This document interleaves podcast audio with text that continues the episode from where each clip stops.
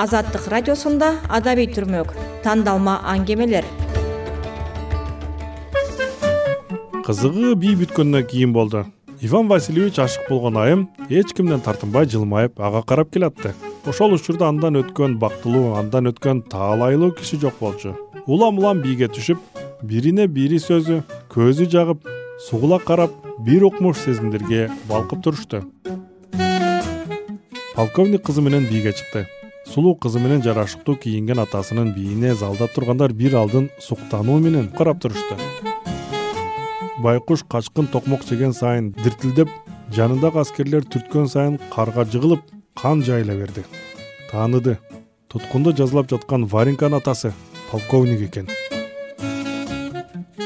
Саламатсызбы тандалма аңгемелер түрмөгүнүн бул чыгарылышында орус жазуучусу лев толстойдун балдан кийин аңгемеси тууралуу кеп кылууну туура көрдүк. Микрофондо сабыр абдымомунов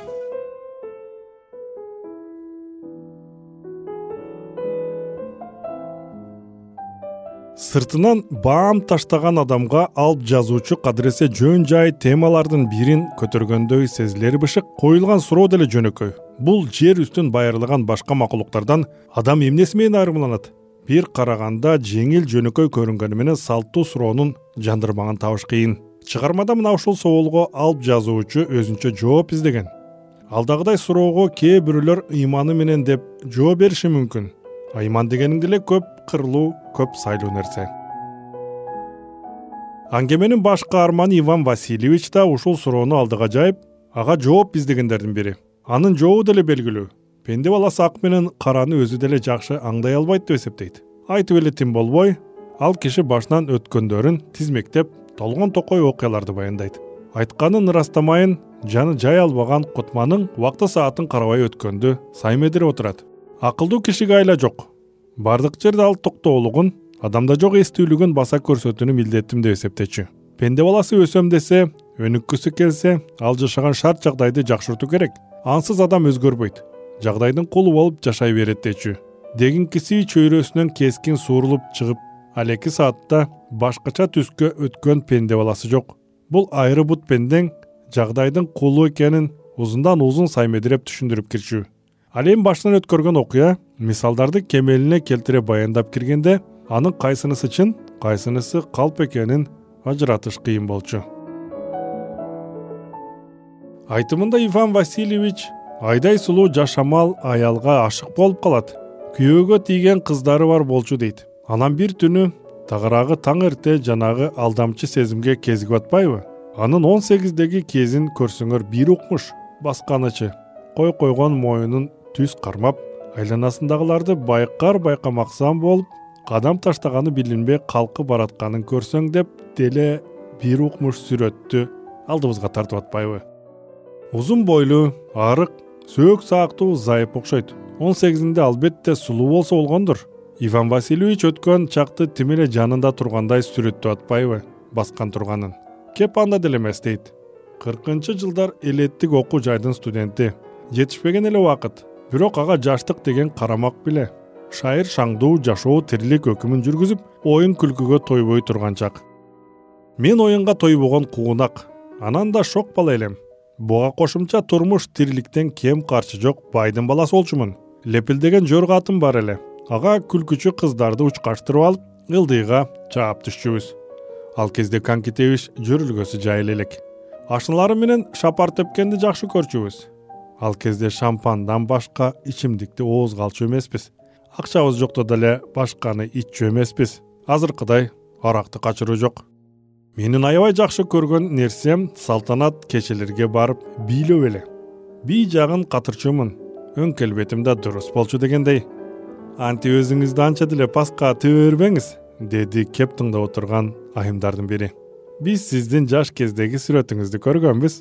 Татынакай экенсиз эч ким аны куник деп айта албайт. Бажырайган татынакай жигит болупсуз. Чырайыңды чылап ичмек белең. Негизи кеп анда деле эмес. Кеп мындай мен жанагы зайып кашык болуп жүргөн чакта масленица майрамы соңуна чыгып бараткан күндөрдүн бири эле.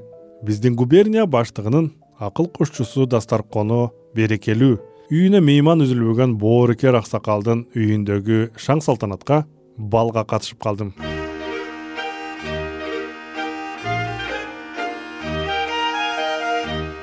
меймандарды жылмайып кабыл алып жаткан аксакалдын байбичеси маанайы жарык жакшы аял болчу.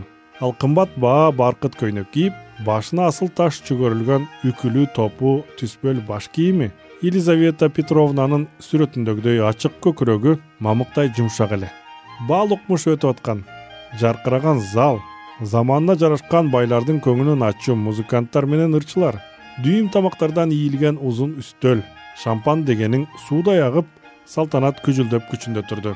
Напсим шампанга ооп турса да ууртабадым ичпесем да сулуу аялдын жытына мас болуп аны менен чарчагыча бийледим. Кадрилге чимирилип вальста чайкалдым. Полькага түштүм. Варенканын белинен имере тартып ыргакка кошулдум.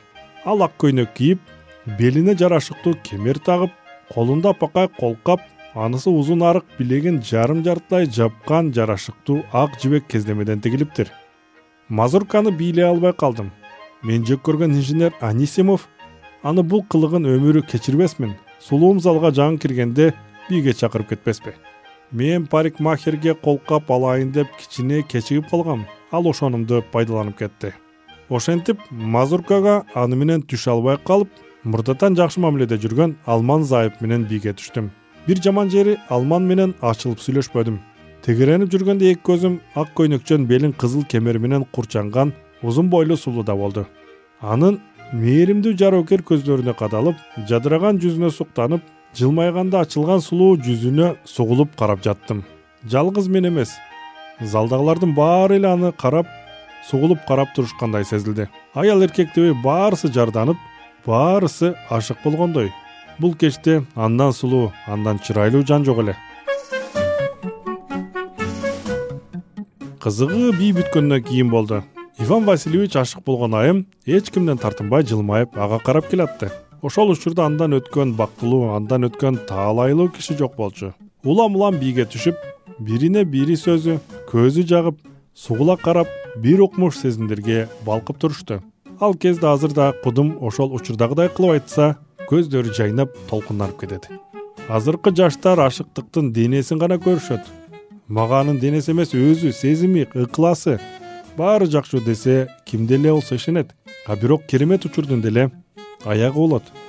Музыканттар да чарчап тегерек үстөлдөрдө карта чаап отургандар турушуп чогулгандар тамак аш турган жайга агылып акыркы бийге түшкөндөр суюла түшкөн маал болчу ооба мен көбүнчө аны менен гана бийлеп атып убакыттын кантип өткөнүн байкабай калыпмын музыканттар чарчап алы курuganda салтанат аягына чыгып баратканын билдириш үчүн мазурканын жалгыз мотивин улам кайра ойноп конок бөлмөдөн карта ойноп отурушкан аталар апалар чыга келишти. Кыйласы тамакка карай башташты. Лакейлер табактарды көтөрүп ашыгып басып калышты. Саат үчкө карады акыркы мүнөттөрдү пайдаланып калыш керек эле. Мен аны бийге чакырып биз жүзүнчү ирет залды айланып бийлеп жүрдүк. Тамактан кийинки кадриль меники дедим аны четке чакырып. Албетте мени алып кетишпесе жылмаюусу аны ан сайын сулуу көрсөтүп турду мен ага бербейм дедим мен. Желпүүүрүмдү бериңизчи деди ал. Бергим келбей туру. Анан апакай арзан желпүүүрүн берип жатып ошенттим мына сизге мени аябай муну алып коюңуз.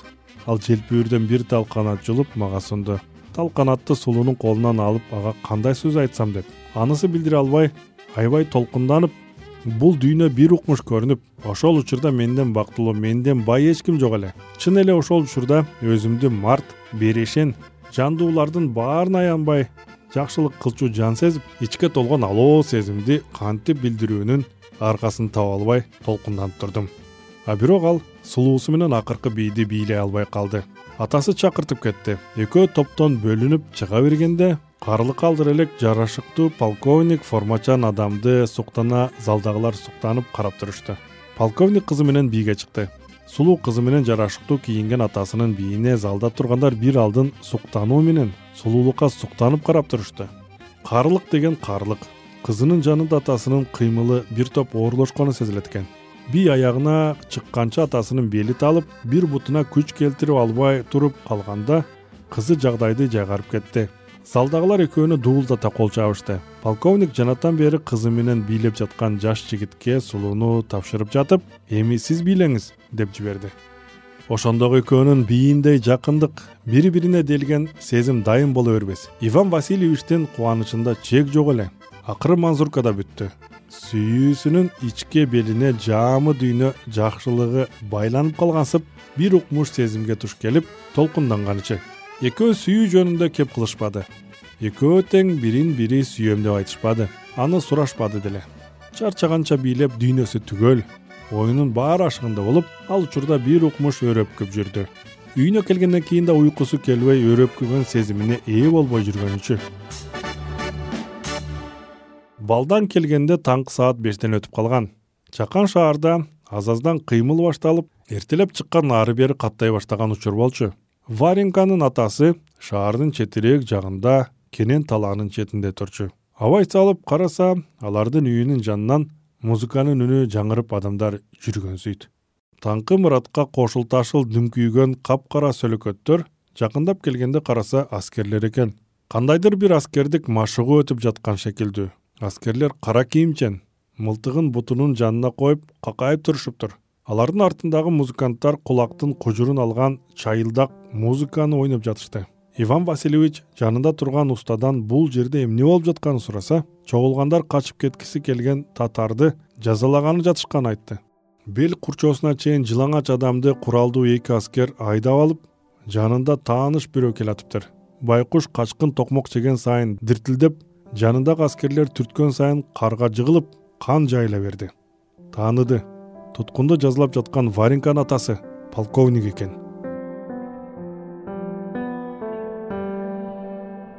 Бечара качкын жаны ооруган сайын жанындагыларга жалынып бирок ага эч ким көңүл бурбай.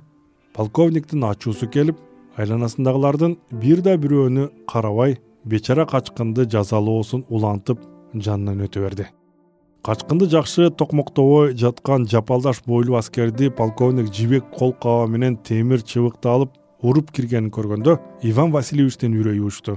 Уруш кандай экенин титиреген аскерге көрсөтүп темир чыбыгы менен урган сайын тигинин бүжүрөгөнүнө ан сайын жини келип ал бууттанып токмоктоп жатты. Көргөн адамды жипкирткен ошол окуядан кийин анын аскерде кызмат өтөө максаты кызыксыз. Адам баласынын табиятына жат жапайы инстинкт катары сезилип аскер кийимин кийгендин баары ага жек көрүнүп көңүлү үч көчкөн журттай калды. Салтанат шаңда бүр ачкан сүйүү сезими да ошол окуядан кийин биротоло өчүп байкуш качкын аскерди өзү жазалап аяосуз токмоктогондон бетер варенканын алдында уялып айткан сөзү аракет кыймылы коошпой жүрө жүрө экөөнүн жолугушуусу сейилдеп соңунда жат кишидей кездешпей калышты. Сүйүү деле өтүп кетет экен. Ушундай да болот тура адам турмушу заматта өзгөрүлүп башка нукка бурулуп кетет экен. А силер айтасыңар дейт иван васильевич. Өтө кызыл батоңот дейт го. Ошондой болду окшойт